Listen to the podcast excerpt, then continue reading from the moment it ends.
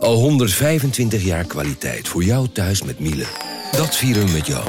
Ontvang nu tijdelijk een cashback tot 125 euro op veel Miele-apparatuur. Geniet van de kwaliteit van Miele.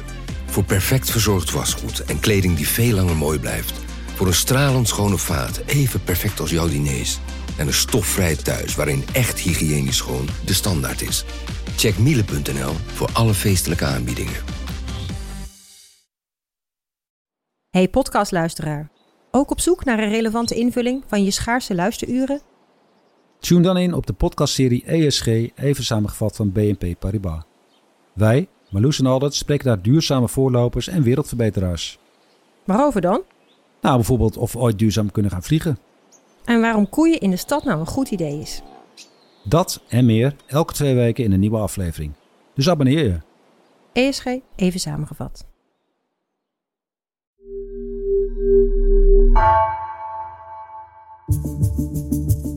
Vanaf de redactie van NRC het verhaal van vandaag. Mijn naam is Geertje Tunter.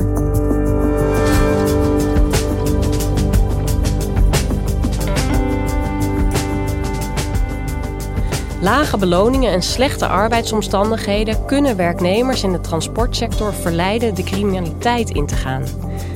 Dat is de conclusie van een omvangrijk onderzoek betaald door het ministerie van Justitie en Veiligheid. Maar economieredacteur Martin Kuiper ontdekte dat PostNL en branchevereniging Transport en Logistiek Nederland er alles aan deden om die conclusie te verhinderen.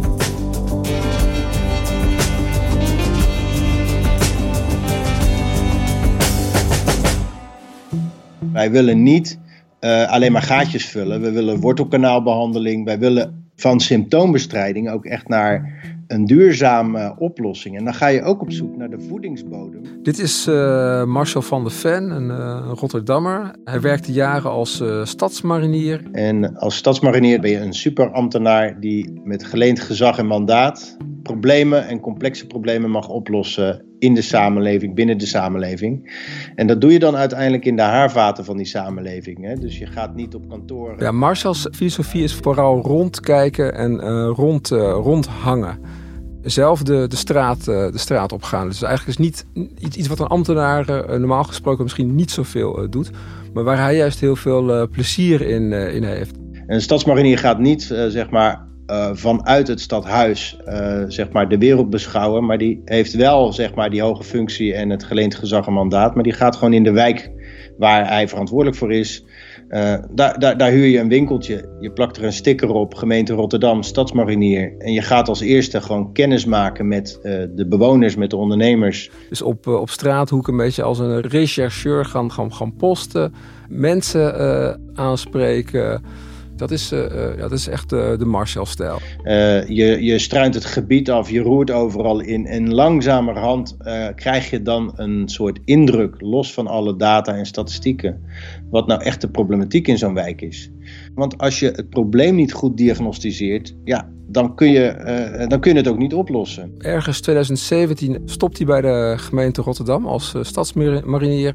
En besluit hij eigenlijk een eigen onderzoeksbureau op te starten. Hij werd benaderd door het ministerie van Justitie en Veiligheid en TLN, Transport en Logistiek Nederland, de brancheorganisatie uh, voor transportvervoer. Uh, en die vroegen hem om uh, onderzoek te doen naar criminaliteit in de branche. Dat mocht hij doen op zijn, op zijn eigen manier, door, door rond te hangen en te vroeten in die branche. Nou, toen kwam een van de mensen van het ministerie van joh ik, uh, ik ken uh, Van de Ven die volgens mij die expertise heeft die we hier nodig hebben. Want die gaat in de haarvaten en die, uh, die, die doorgrondt het ook echt. En waarom was dat eigenlijk nodig, een onderzoek naar de transportbranche? Wat was er mis? Ja, in de transportbranche heb je verschillende vormen van criminaliteit. Er wordt drugs gesmokkeld. Grote partijen cocaïne komen vanuit het buitenland via de Rotterdamse haven Nederland binnen en worden van hieruit naar andere landen uh, verscheept. 9000 kilo harddrugs zijn het afgelopen jaar onderschept in de Rotterdamse haven. Maar niemand heeft enig idee hoeveel kilo harddrugs er jaarlijks ons land wel binnenkomen. De miljoenen containers die worden afgeleverd zijn een ideale verstopplek waar drugsbendes hun handel, vooral cocaïne, in vervoeren.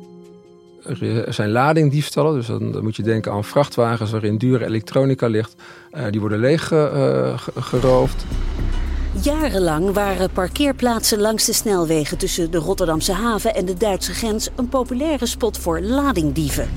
Terwijl de chauffeur voor in de cabine lag te slapen, haalden zulke dieven ongemerkt achter de lading uit zijn wagen. De totale schade per jaar tientallen miljoenen euro's. Plus je hebt nog de smokkel van mensen, migranten die uh, in de achterbakken van een vrachtwagen naar een ander land worden uh, gesmokkeld. In de haven van IJmuiden zijn woensdagochtend 16 mensen gevonden in een vrachtwagen. Het gaat om vier minderjarige jongens, één vrouw en elf mannen met verschillende nationaliteiten. Zij zijn allemaal in leven. De chauffeur is aangehouden op verdenking van mensensmokkel. Ja, dus hè, dat er problemen zijn in de transportsector, dat is uh, op zich geen geheim. Um, en Marcel van der Ven krijgt dan een onderzoeksopdracht. Wat, wat gaat hij doen? Uh, van, van de Ven gaat in de transportsector dezelfde methode gebruiken als hij in Rotterdam ook al ge, gebruikte. Hij wil eigenlijk echt die, die, die sector binnendringen. Hij doet dat door te spreken met douaniers, politieagenten, vrachtwagenchauffeurs, uh, de couriers van uh, pakketten. Ik ben ook een dag mee geweest met een courier en ik heb uh, nog nooit zoveel spierpijn gehad van pakjes sjouwen. ik ben met een vrachtwagenchauffeur mee geweest. we zijn bij warehouses geweest in de nacht om te kijken hoe die logistieke processen verlopen. Maar werken dan ook met zo'n magazijnmedewerker mee om en een band op te bouwen, maar ook een gevoel te krijgen van hé, hey, niet alleen maar wat er cognitief verteld wordt, maar ook je ruikt en je hoort en je ziet wat er gebeurt. En daarnaast gewoon de reguliere methode van een literatuuronderzoek, uh, interviews, uh, groepsinterviews, observaties. Maar hij merkt eigenlijk ook al gauw dat er vanuit één hoek eh, er minder goed gereageerd wordt op zijn onderzoek en het idee om onderzoek te gaan doen. Namelijk vanuit de post- en pakkettensector. PostNL. Ja, want Martin, um, dat onderzoek is dus gewoon in januari dit jaar verschenen. Jij hebt daarover geschreven uh, voor NRC. Wat waren eigenlijk de voornaamste conclusies die daarin stonden? Ja, het zijn eigenlijk een aantal conclusies die, eh, die Van de Ven en uh, zijn collega's doen. Eerste conclusie, die wel belangrijk is en eigenlijk ook een soort van nuance is bij het eerdere beeld over de transportbaans. Um, de branche is niet puur crimineel. Sterker nog, heel veel ondernemers doen goed hun best en gaan niet met criminelen in zee. Daarnaast uh, concluderen de onderzoekers dat er een uh, handhavingstekort is. Dus dat er te weinig uh, politieagenten zijn die, die de criminaliteit in de branche kunnen, kunnen bestrijden. En dat is niet alleen een handhavingstekort. Wat ze ook merken is dat de, de agenten die, van de regionale teams... dat die vaak niet de juiste expertise hebben om deze vorm van criminaliteit te bestrijden. De belangrijkste conclusie is volgens uh, Van de Venense collega's dat de arbeidsvoorwaarden en arbeidsomstandigheden, dus de, de lonen uh, en de werkuren ondermaat zijn. Dat er een moordende concurrentie uh, is binnen de branche. En dit maakt personeel die in deze branche werkt eigenlijk vatbaar voor, voor lucratieve voorstellen van, van criminelen. Ik ben ook met een jongen mee geweest. Hè? En um, ik, ik had mijn flesje water bij me en ik had mijn krentenbolletjes bij. Dus ik bied hem dat aan. Hij zei: Nee, nee, nee, dank je. Dus om een uur of drie zeg ik, joh, drink en eet je helemaal niet. Ze zei, nee, als ik dat te vroeg doe, dan moet ik gewoon naar het toilet en daar heb ik geen tijd voor. En ik zeg niet dat dat over de regel overal zo is, maar dat zijn wel voorbeelden. Dat als iemand bijvoorbeeld um, schulden heeft of een probleem heeft en er komt iemand met een verleidelijk aanbod van, joh, hey, 300 euro per dag. Um, ja, dan moet je wel heel stevig in de schoenen staan. En dat staan overigens ook de meeste hoor, want uh, daar zijn we ook wel achter gekomen. Maar toch zie je wel dat daar kwetsbaarheden zitten. Ja, ik vind dat best wel een, uh, een, heftige conclusie. Jij schrijft natuurlijk over de transportbranche. Wat, wat vond jij van het onderzoek? Ik vond, het uh, ik vond het onderzoek prima. En ik schrok zelf eigenlijk ook wel van die conclusie. Want wat ze eigenlijk doen, ze houden eigenlijk de, de complete transportbranche een, eh, een spiegel voor. En uh, zeggen van, nou kijk, jullie hebben een onderzoek aangevraagd over criminaliteit naar de transportsector. Maar realiseer je wel dat jullie eigenlijk zelf ook een onderdeel zijn van het probleem. Dus door die lage lonen zorg je er eigenlijk voor dat medewerkers een stap in de criminaliteit kunnen nemen. Hoe werd er dan in de sector gereageerd op dat onderzoek?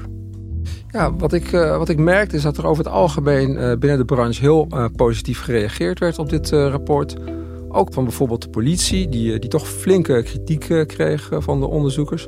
er was echter één partij die niet tevreden was over het onderzoek. Namelijk de opdrachtgever zelf, TLN. Die plaatste de, de avond van publicatie een, een persbericht op hun website. waarin ze eigenlijk aangaven teleurgesteld te zijn in het onderzoek. Ehm, dat ze aanvullend onderzoek wilden. En dat ze vonden dat het onderzoek weinig handvaten bood voor de bestrijding van criminaliteit in de transportbranche. Ehm, ze distancieerden zich eigenlijk van dit onderzoek. Dus jij dacht, Martin, jij dacht hier zit iets, hier is iets vreemds aan de hand. Wat ben jij toen gaan doen? Um, de avond van publicatie heb ik uh, nog uh, contact gehad met, met Van der Ven. even getekst over het, het, persbericht wat TLN op, op haar website had geplaatst. En waar Van der Ven ook heel boos over was. En toen heb ik hem eigenlijk de vraag gesteld van... hoe, hoe is dit onderzoek nou eigenlijk werkelijk verlopen? Ging het zo soepel als, het nu, als je nu doet voorkomen? Nou, en toen vertelde hij mij eigenlijk van ja, er zit nog een heel verhaal achter. Er gaat nog een heel verhaal achter schuil.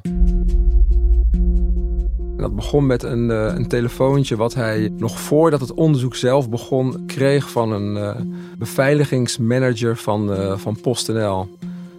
Die hing totaal onverwacht boos aan de lijn bij Van de Ven. En had onderhands het, het, het, ja, het onderzoeksplan in handen gekregen.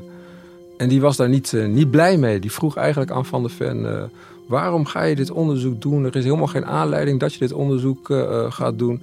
Nou, hij, hij, dreigde vervolgens ook volgens Van der Ven... om via een hoge ambtenaar dat, dat onderzoek te dwarsbomen... En, en, sloot het gesprek af met iets in het hand als... ik ga hier een stokje voor steken volgens, volgens Van der Ven. Maar waarom is iemand van PostNL eigenlijk bezig met dit onderzoek? Waarom, waarom zijn zij hier zo uh, op tegen en waar, waar bemoeien ze zich eigenlijk mee? Ja, uh, PostNL maakt eigenlijk ook onderdeel uit van het uh, onderzoek. Een belangrijke tak van, van dit bedrijf is de, de pakketbranche. En daar doen, doen Van der Ven en de onderzoekers ook onderzoek naar. En um, eigenlijk nog voor het onderzoek van start ging, liet PostNL al weten bij name van deze meneer dat ze hier eigenlijk niet zo mee eens waren. Hoe is dat verder uh, gelopen? Uh, aanvankelijk leek het alsof PostNL weer volledig aan, uh, aan boord was. De plooien waren weer aardig glad gestreken en ze leken weer gewoon mee te doen aan het, aan het onderzoek. Toch merkten de onderzoekers al gauw weer dat dezezelfde beveiligingsmanager moeilijk bleef doen. Het was lastig om een afspraak met hem te maken. Mailtjes die ze aan hem stuurden, daar kregen ze uh, vrij korte reacties op terug. En vraag, was zijn vraag dan, wat is de aanleiding van het onderzoek? Waarom doen jullie dit onderzoek? Vragen die eigenlijk best wel gek zijn als het onderzoek al begonnen is. Dus er blijft steeds kritiek komen van deze meneer van, van PostNL. Lukt het hem om ja, een stempel te drukken op dat onderzoek? Het lukt hem niet 1, 2, 3 om een stempel te drukken op het onderzoek. Maar het valt wel op dat hij ook op andere plekken vreemd gedrag blijft uh, getonen. Zo uh, zit hij ook in de klankbordgroep.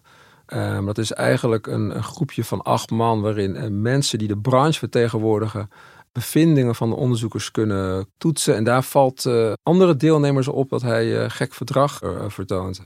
Hij gedraagt zich heel negatief, blijft weer diezelfde vragen stellen als waarom doen we dit onderzoek eigenlijk.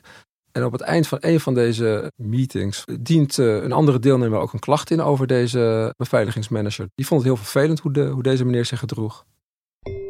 Ja, hoe weet jij dit eigenlijk allemaal? Want een deel heb jij natuurlijk gehoord van Marcel van der Ven. Maar als journalist uh, hoor je natuurlijk graag niet alleen maar één bron over iets. Nee, ik sprak inderdaad uh, verschillende onderzoekers. Ik, ik sprak naast Marcel van der Ven ook zijn collega-onderzoeker en onderzoeksleider Erik Barefoots. Ehm, ik kreeg inzage in interne mails, dus mailwisseling tussen de onderzoekers en de beveiligingsman van de PostNL. Daarnaast kreeg ik een interne memo van TLN. En dat was eigenlijk een stuk waarin eh, de beleidsadviseur van TLN, die het onderzoek begeleidde, aan de bel trok en schreef aan de, de voorzitter van eh, TLN dat zij zich zorgen maakte over hoe de, de beveiligingsman van PostNL zich gedroeg.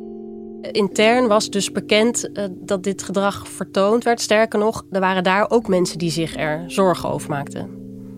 Ja, inderdaad. In die, uh, die brief die de beleidsadviseur aan haar baas stuurt, uh, heeft ze het over het niet integer handelen van een uh, beveiligingsmanager van, van PostNL. En dat ze zich daar grote zorgen over maakt.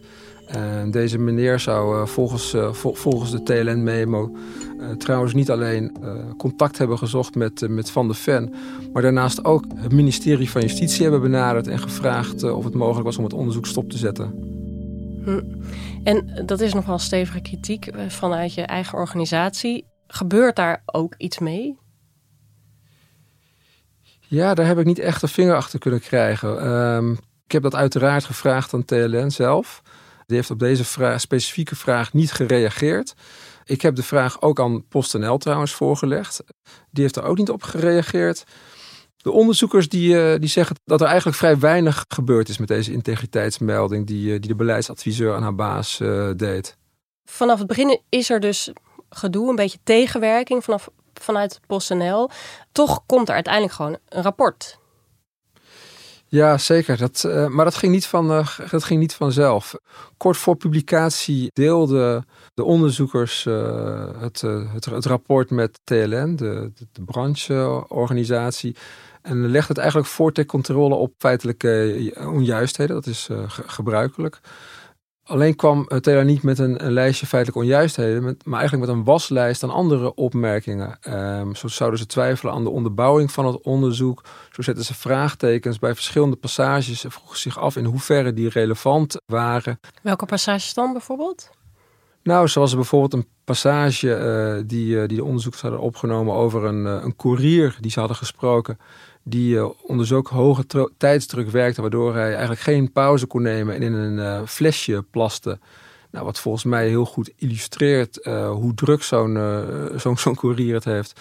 En TLN vroeg zich eigenlijk af in hoeverre die passage nou relevant was, wat het nou eigenlijk zei over de pakketbranche. Hadden ze nog meer problemen met het onderzoek? Um, ja, ze zetten eigenlijk ook vraagtekens bij de, de opzet van het onderzoek. Wat uh, heel, heel, heel vreemd is, omdat ze daar uh, voorafgaand al mee akkoord zijn gegaan. Ze vroegen zich af of het onderzoek wel wetenschappelijk relevant zou zijn. Omdat er niet met genoeg ondernemers gesproken zou, zou zijn, volgens, volgens TLN. En ze zei daarmee eigenlijk twijfel over de, de, de wetenschappelijke relevantie. En zeggen van ja, dit is, dit is slechts uh, kwalitatief onderzoek. Uh, wat zegt dat nou eigenlijk? Terwijl dat uh, juist hetgeen is waar ze van de fan in de beginfase voor hebben aangenomen. Daar waren zij en het ministerie juist in de beginfase heel enthousiast over. En um, als je dit nou allemaal gehoord hebt van en deze memos gelezen hebt, deze mails gelezen hebt, mensen gesproken hebt, waarom, waarom stribbelen zij nou zo erg tegen? En ook ja, een onderzoek dat TLN zelf heeft aangevraagd, zoals gezegd. Ik heb ze twee keer een flinke lijst met vragen uh, gestuurd. Um, PostNL zei daar uh, over wij laten beantwoording van vragen over aan TLN, omdat zij de opdrachtgever zijn. En TLN die ging eigenlijk op, ook op hele specifieke vragen vaak niet, uh, niet, niet in. Dus ik vind dat lastig om daar iets over te zeggen. Hoe kijk jij nou deze, tegen deze twee organisaties aan, na het onderzoek dat jij gedaan hebt, dus naar PostNL en naar TLN? Ik denk dat beide organisaties aanvankelijk best welwillend waren en een, onderzoek wilden naar, um, uh, naar criminaliteit in deze branche. En wilden verkennen hoe het er nou mee gesteld was. Maar zich eigenlijk gaandeweg steeds meer realiseerde dat een uh, kritisch onderzoek niet goed voor hun, voor hun imago is. En gaan het onderzoek daardoor steeds meer zijn gaan dwars liggen. Nee, het beeld dat, uh, dat, dat PostNL niet altijd even goed voor zijn medewerkers zorgt, dat is, uh, dat, dat is natuurlijk al langer, uh, dat rond in, in, in de media. Maar dat het nu ineens zwart op wit in een wetenschappelijk onderzoek staat, dat notabene is gefinancierd door het ministerie van Justitie, ja, dat ligt natuurlijk heel gevoelig. Een onderzoek wat door, door andere mensen uit de branche juist warm onthaald is en die vinden het een steengoed onderzoek het ministerie van Justitie ook. Die, zeggen, die, die reageren via de mail uh, tegen mij dat ze het eh, onderzoek omarmen. Dat ze het een heel goed onderzoek vinden. Een hoge eh, ambtenaar van Justitie die, die deelde het onderzoek begin februari met duizend collega's. En doopte het onderzoek tot een kennisparel. hij zei eigenlijk tegen mij: ik, zie zelden zo goed een diep onderzoek. Het is een lastige branche waar onderzoek in is gedaan. En die onderzoekers zijn er hartstikke goed in geslaagd ja, Martin, uit jouw onderzoek blijkt dus dat uh, Marcel van der Ven het niet makkelijk heeft gehad hè, met deze casus. Uh, maar we weten inmiddels allemaal dat dat rapport is er gewoon. Maakt het dan eigenlijk nog veel uit wat er achter de schermen is gebeurd. Wat vind jij? Hoe kijk jij daarnaar? Nou, omdat het uiterst opvallend is dat een, uh, een brancheorganisatie en uh, Slans grootste uh, post- en pakkettenbedrijf... die pleiten voor een branche zonder criminaliteit... ondertussen onderzoekers tegenwerken. Dat, ja, dat mag gewoon niet gebeuren. Dankjewel, Martin. Alsjeblieft. Je luisterde naar Vandaag, een podcast van NRC. Eén verhaal, elke dag. Deze aflevering werd gemaakt door Misha Melita en Jeppe van Kesteren. Chef van de audioredactie is Anne Moraal. Dit was vandaag, morgen weer.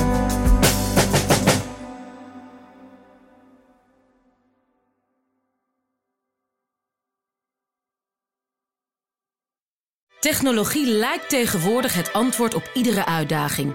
Bij PwC zien we dit anders. Als we de potentie van technologie willen benutten, kunnen we niet zonder een menselijk perspectief. Human-led, tech-powered noemen we dat. Ga naar pwc.nl.